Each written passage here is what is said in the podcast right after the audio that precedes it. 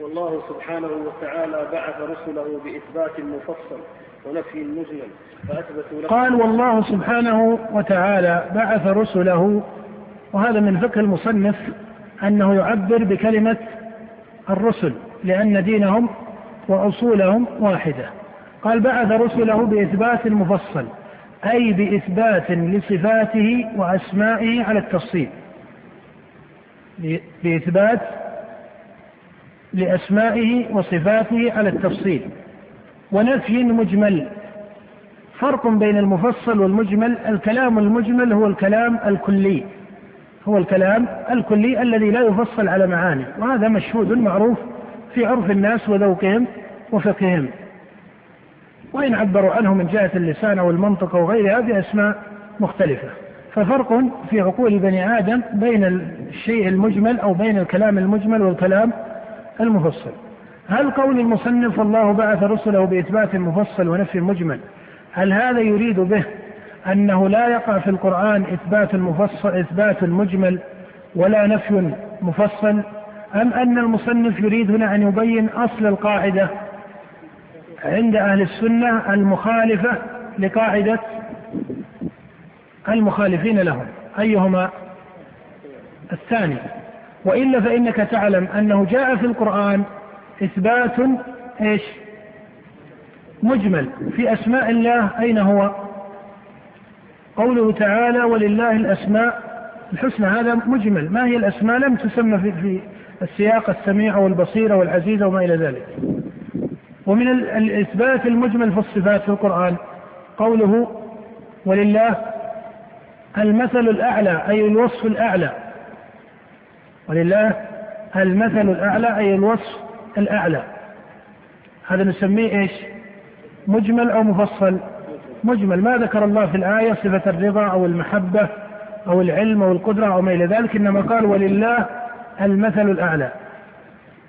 ويأتي النفي مفصل في القرآن أحيانا كقول الله تعالى ولا يظلم ربك أحدا وكقوله لا تأخذه سنة ولا نوم. هذا نفي لصفة السنة وصفة النوم وصفة الظلم وهذا نفي تقول عنه مجمل أو مفصل. مفصل. إذا لما قال المصنف والله بعث رسله بإثبات مفصل ونفي مجمل يقال هذا من حيث الأصل والقاعدة. هذا من حيث الأصل والقاعدة. فإن الغالب في ذكر كلام الله أو كلام نبيه هو ذكر التفصيل في مقام الإثبات وذكر الإجمال في مقام النفي. وإلا فإن هذا يقع وهذا يقع لكنه لا يكون هو الأصل. وكل نفي مفصل في القرآن فإنه يتضمن أمرا ثبوتيا. فلما نفى الله عن نفسه الظلم دل ذلك على إثبات العدل. ولما نفى عن نفسه السنة والنوم دل على كمال حياته وقيوميته. ولذلك لا تجد أن الله في كتابه يبتدئ بذكر إيش؟ لا تجد أن الله في كتابه يبتدئ بذكر إيش؟ بذكر النفي المفصل. لا تجد أن هذا ابتداء في أوائل الآيات. إنما الذي يبتدأ به هي صفات الإثبات.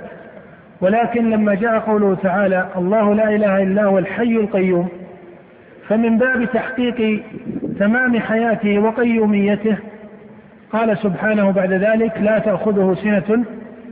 إيش؟ ولا نوم. ولذكر كمال عدله قال الله سبحانه وتعالى ولا يظلم ربك أحدا. فيكون هذا على مثل هذا السياق. ولذلك هذا النفي المفصل يقال إنه يتضمن أمرا ثبوتيا وهو كمال الضد ويقال إنه إذا ذكر في حق الله عن النفي المفصل يذكر في إيش؟ في مثل سياقه وهذا هو المناسب له. وهذا هو المناسب له. نعم. فأثبتوا له الصفات على وجه التفصيل ونفوا عنه ما لا يصلح له من التشبيه والتمثيل. نعم وهذا جمع حسن. لما قال من التشبيه والتمثيل هذا جمع حسن. نعم. كما قال تعالى فاعبده واصطبر لعبادته هل تعلم له سميا؟ قال أهل اللغة هل تعلم له سميا؟ أي نظيرا يستحق مثل اسمه. ويقال مساميا يساميه. وهذا كله معناه واحد سواء قيل هل تعلم له سميا أي شبيها أو مثيلا أو نظيرا أو ما إلى ذلك هذا كله المعاني واحدة نعم. وهذا ما وهذا معنى ما يروى عن ابن عباس هل تعلم له هل تعلم له مثلا أو شبيها؟ وقال تعالى لم يلد ولم يولد ولم يكن له كفوا أحد.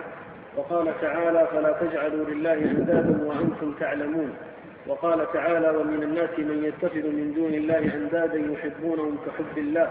والذين آمنوا أشد حبا لله وقال تعالى وجعلوا لله شركاء الجن وخلقهم وخرقوا له بنين وبنات بغير علم سبحانه وتعالى عما يصفون بديع السماوات والأرض أن يكون له ولد ولم تكن له صاحبة وخلق كل شيء وهو بكل شيء عليم. نعم تأمل في مثل هذا السياق من القرآن وتجد أنه سياق عقلي في رده سبحانه وتعالى وإبطاله لطرق المنحرفين عن الفطرة والمنحرفين عن آثار الرسل ودينهم.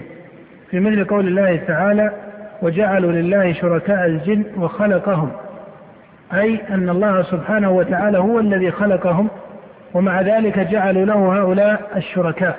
ولذلك تجد في سياق الآية في مثل قوله تعالى بديع السماوات والأرض هذا المعنى من الإثبات يقصد به بيان الامتناع. فإذا تأملت في هذه الآية في ذكر إبطال ما ذكره المشركون من الشركاء من الجن أو من الولد أو غير ذلك مما لا يليق به سبحانه وتعالى ولا بتوحيده وربوبيته وألوهيته وعبادته تجد أنه يستعمل في القرآن مبنيا على إثبات حقائق فطرية عقلية تكون مانعة من هذا الطارئ الذي ادعاه المخالفون. أليس أنه سبحانه وتعالى هو بديع السماوات والأرض؟ أليس هذا من الحقائق الفطرية العقلية الضرورية؟ أليس كذلك؟ بلى. ولذلك تجد أن الله ذكر في سياق الآية قول قوله بديع السماوات والأرض. يعني لما كان هو سبحانه وتعالى هو بديع السماوات والأرض امتنع أن يكون له شركاء امتنع أن يكون له إيش؟ امتنع أن يكون له شريك في ملكه أو ولد أو ما إلى ذلك. ولذلك قال بديع السماوات والأرض أن يكون له ولد أي يمتنع أن يكون له ولد وهو بديع السماوات والأرض. ولذلك هذه الطرق في الرد على المخالفين للرسل عليهم الصلاة والسلام هي الطرق الصحيحة. هي الطرق النبوية القرآنية الصحيحة وهي طرق عقلية. هي طرق عقلية أي أنه يقضى على هذه الشبه وعلى هذه الطريقات بما هو من اليقينيات الضروريات لماذا؟ لأن ثمة قاعدة شرعية أن كل من ادعى غلطا أو نقصا فيما جاءت به الرسل فلا بد أن في دين الرسل من اليقينيات والضروريات ما يدفع هذا الإشكال فإن من ادعى نقصا في كلام النبي صلى الله عليه وسلم أو في حديث أو حرف من كلامه فإنه يراجع في أصل الإيمان بالنبوة أليس كذلك؟ فإذا أقر أنه نبي وآمن بحقيقة النبوة فإن حقيقة النبوة وحقيقة الرسالة أنه لا ينطق عن عن الهوى ولذلك إذا جاءك شخص متأثر مثلا بالغرب أو أو مائل إلى شيء من طرقهم أو منحرف عن الصواب وأراد أن يجادل ويعاضل في بعض الحقائق الشرعية لما كذا ولما كذا ولما كذا. فالإغلاق معه أن يسأل هل تقر بأن هذا شرعي أم ليس؟ إيش؟ شرعيا هل هذا شرعي أم ليس شرعيا أما أن أن يؤخذ معه على التفصيل وتتبع فإن هذا قد لا يحيط به أحد. لماذا؟ لأن الحكم الإلهية لم تفصل للعباد. والله ما ذكر لعباده سائر الحكم بل ذكر جملة منها. نعم فتأملوا في هذه السياقات وإن كان الوقت قد لا يسع للوقوف مع كل آية على التفصيل. نعم. وقال تعالى تبارك الذي نزل الفرقان على عبده ليكون للعالمين نذيرا الذي له ملك السماوات والأرض ولم يتخذ ولدا ولم يكن له شريك في الملك. وقال تعالى فاستفتهم ألربك البنات ولهم البنون. نعم هذا امتناع عقلي وهذا من التنزيه له سبحانه وتعالى أنه يمتنع أن يكون له شيء من البنات وكيف تجعل أو يجعل المشركون له البنات ولهم البنون إلى غير ذلك. نعم. فاستفتهم ألربك البنات ولهم البنون. أم خلقنا الملائكة إناثا وهم شاهدون؟ نعم أنهم جعلوا الملائكة إناثا وهذا أقل ما يعترض عليه بالعقل أقل ما يعترض عليه بالعقل أنهم إيش؟ يعني ترى الدليل العقلي ليس قضية سفسطية يكابر فيها من يكابر هو من الأشياء البسيطة. الله في كتابه يقول أم خلقنا الملائكة إناثا؟ فإنهم زعموا أن الملائكة إناثا أو أن الملائكة إناثا. لما زعمت المشركون ذلك قال الله أم خلقنا الملائكة إناثا؟ إيش؟ وهم وهم شاهدون يعني هم لم يشاهدوا ذلك. فكيف يقولون إنهم إناث أو ليسوا إناثا؟ فإن من من بساطة العقل وضروريات العقل أن الحكم على الشيء فرع عن تصوره. فهم لم يشاهدوا خلق الملائكة. فكيف حكموا بأن الملائكة بأن الملائكة إناث؟ نعم. ألا إنهم من إفكهم ليقولون ولد الله وإنهم لكاذبون. أصطفى البنات على البنين. ما لكم كيف تحكمون؟ أفلا تذكرون؟ أم لكم سلطان مبين؟ فأتوا بكتابكم إن كنتم نعم بين سبحانه أنه ليس لهم سلطان ليس لهم علم وليس لهم حجة وإنما قولهم من باب الإفك. والله إذا ذكر ما تقوله الأمم المشركة يذكر في كتابه أن هذا إنما يكون على أحد وجهين. إما أن يكون من باب الإفك وهو الشيء الذي يقولونه وهم ليس عندهم مادة تحرك إليه. فهذا يسميه الله في كتابه إيش؟ إفكا. وهو القول الذي يقولونه وهو مجرد عن أدنى مواد الاستدلال. كقولهم الملائكة إناث مع أنهم ما شهدوا خلقهم. وأحيانا يأتي ما يذكره هؤلاء في القرآن ويسمى ظنا. وهو المذكور في مثل قول الله تعالى إن يتبعون إلا الظن. والغالب على المسائل الخبرية أن القرآن يسمي ما يقولونه إيش؟ ها.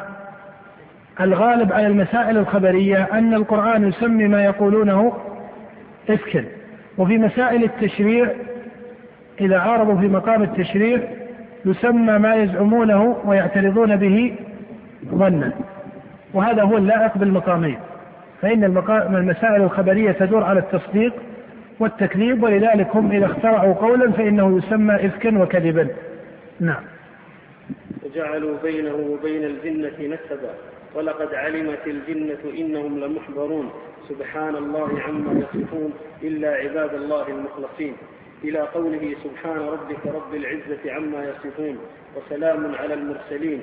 والحمد لله رب العالمين. نعم. وهذه السياق في هذه السورة هذه السياقات سياقات تامة ومحكمة وهي آيات الله وكلماته سبحانه وتعالى وفيها من التحقيق لوحدانيته والدفع لسائر ما اعترض به المخالفون وهذه الآيات فيها عبرة من جهة تفصيلها ومن جهة كليتها والعبرة الكلية فيها أن أن يقال إن طريقة القرآن في الرد على المخالفين للرسل عليهم الصلاة والسلام تكون على هذه القاعدة وهي رد المختلف فيه إلى إيش؟ إلى المجمع عليه. فإن الحقائق حتى الحقائق الشرعية تكون متفقا عليها وقد يقع في شيء من المسائل الشرعية ما يكون مختلفا فيه. حتى إذا نظرت أنت في مسائل الفقه والفقهاء إذا نظروا في مسائل الفقه فإن الرد رد المسألة المتنازع عليها فضلا عن مسائل الرد على المخالفين حتى بين أهل العلم. المسألة التي فيها نزاع ترد إلى الأصول في بابها المتفق عليها.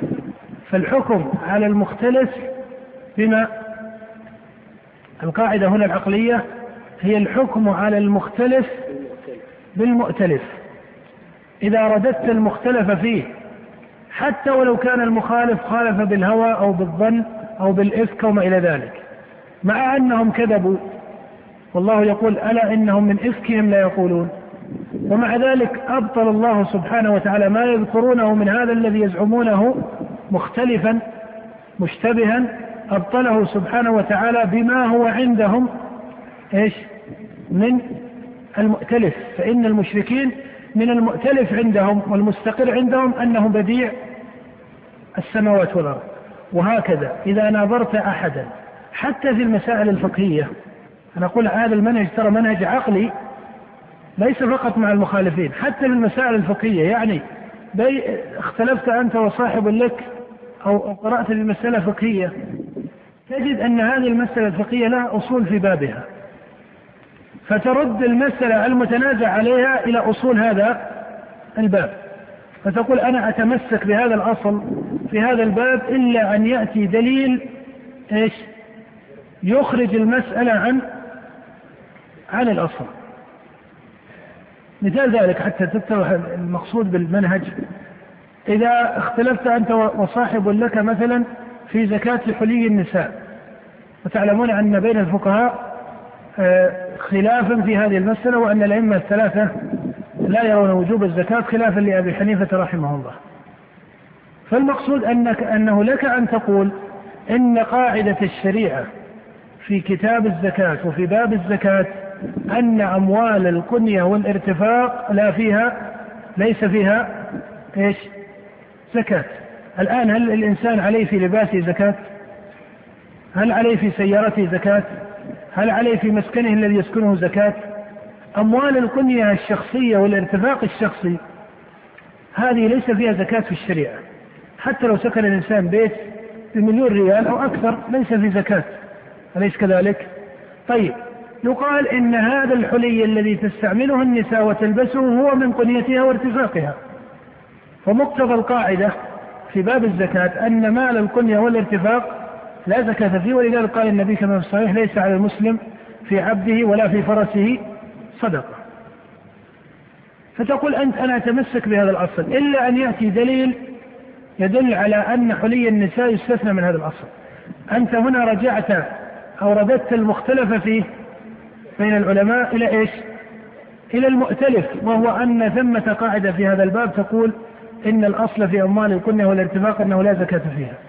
فهذا منهج حسن في التفقه وهو مستعمل في القرآن في تقرير الحقائق الشرعية أو في الرد على المخالفين. نعم. فسبح نفسه عما يصفه المفترون المشركون وسلم على المرسلين عامة الأمم المصنف يقول فسبح نفسه عما يصفه المفترون المشركون. عامة الأمم لم يصفوا الله بالنقائص المطلقة.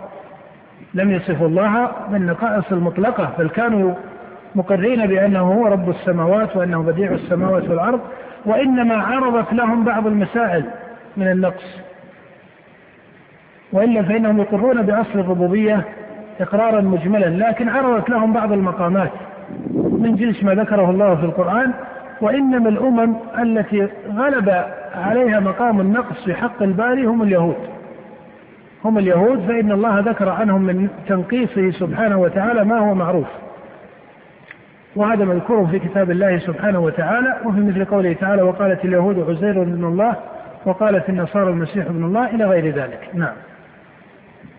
سبح نفسه. وقالت اليهود يد الله مغلولة غلت أيديهم. هذا لم يقع إلا في محالفة أهل الكتاب من اليهود الذين انحرفوا عن شريعة موسى وهدايته عليه الصلاة والسلام. نعم.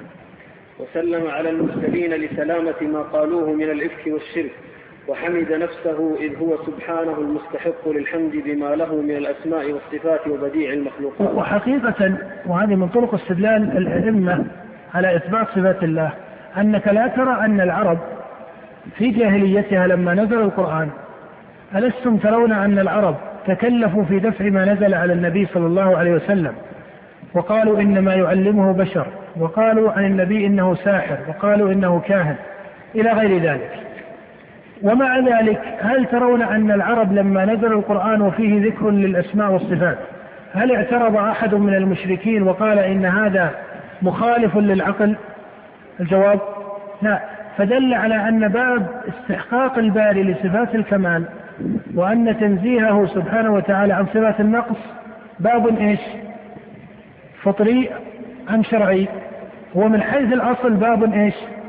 فطري ولكن الشريعة فصلت ولذلك لم يعترض عليه العرب.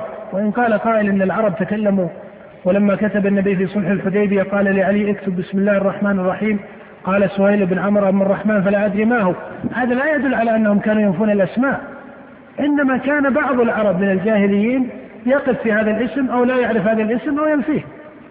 هذا لا يدل على أنهم ينفون سائر الأسماء بل كان من الجاهليين من يتسمى بعبد الرحمن كعبد الرحمن الفزاري الذي قتله أبو قتادة الأنصاري في غزوة قرد فكان اسمه عبد الرحمن وكان هذا مألوفا معروفا في بعض بواد العرب ومناطقهم. فالقصد أن كون العرب لما نزل القرآن عليهم لم يطعنوا في الأسماء والصفات بحجة المخالفة للعقل دل على أن هذه السياقات موافقة إيش؟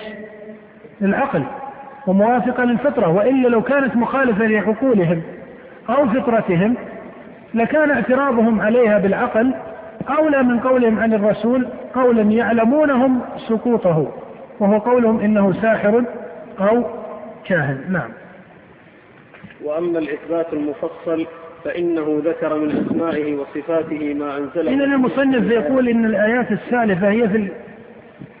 إيش؟ في النفي المجمل مع أنك إذا قرأت السياق وجدت أن فيها نفيا إيش؟ مفصلا هذا ليس من باب أنها مقصورة على النفي المجمل. هو المصنف أراد أن فيها تنزيه مجملا وإن كان فيها تنزيه إيش؟ مفصل. التنزيه المجمل يعني في مثل ذكره سبحانه وتعالى لتنزيهه عن الولد. بين سبحانه وتعالى أنه منزه عن الولد فقط أم بين سبحانه أنه منزه عن الولد وعن كل ما لا يليق به؟ أيهما؟ الثاني إذا قرأت السياقات تجد أن الله بين أنه منزه عن الولد وعن كل ما لا يليق به. وهذا معتبر بمراعاة السياق كما أسلفت كثيرا أن مراعاة سياق القرآن فيه حكمة شرعية لازمة لتحصيل المعاني. نعم. ولذلك نقول هذه السياقات لا يستشكل فيقال كيف أن المصنف قال إنها دلت على الإثبات على على على النفي المجمل وفيها نفي مفصل. نعم فيها نفي مفصل وفيها نفي إيش؟ مجمل وكل نفي مفصل فإنه يذكر في مقام رده على جهة التنزيه المطلقة المتضمنة لتنزيهه سبحانه عن هذا النقص المذكور وعن وعن غيره وعن غيره. نعم.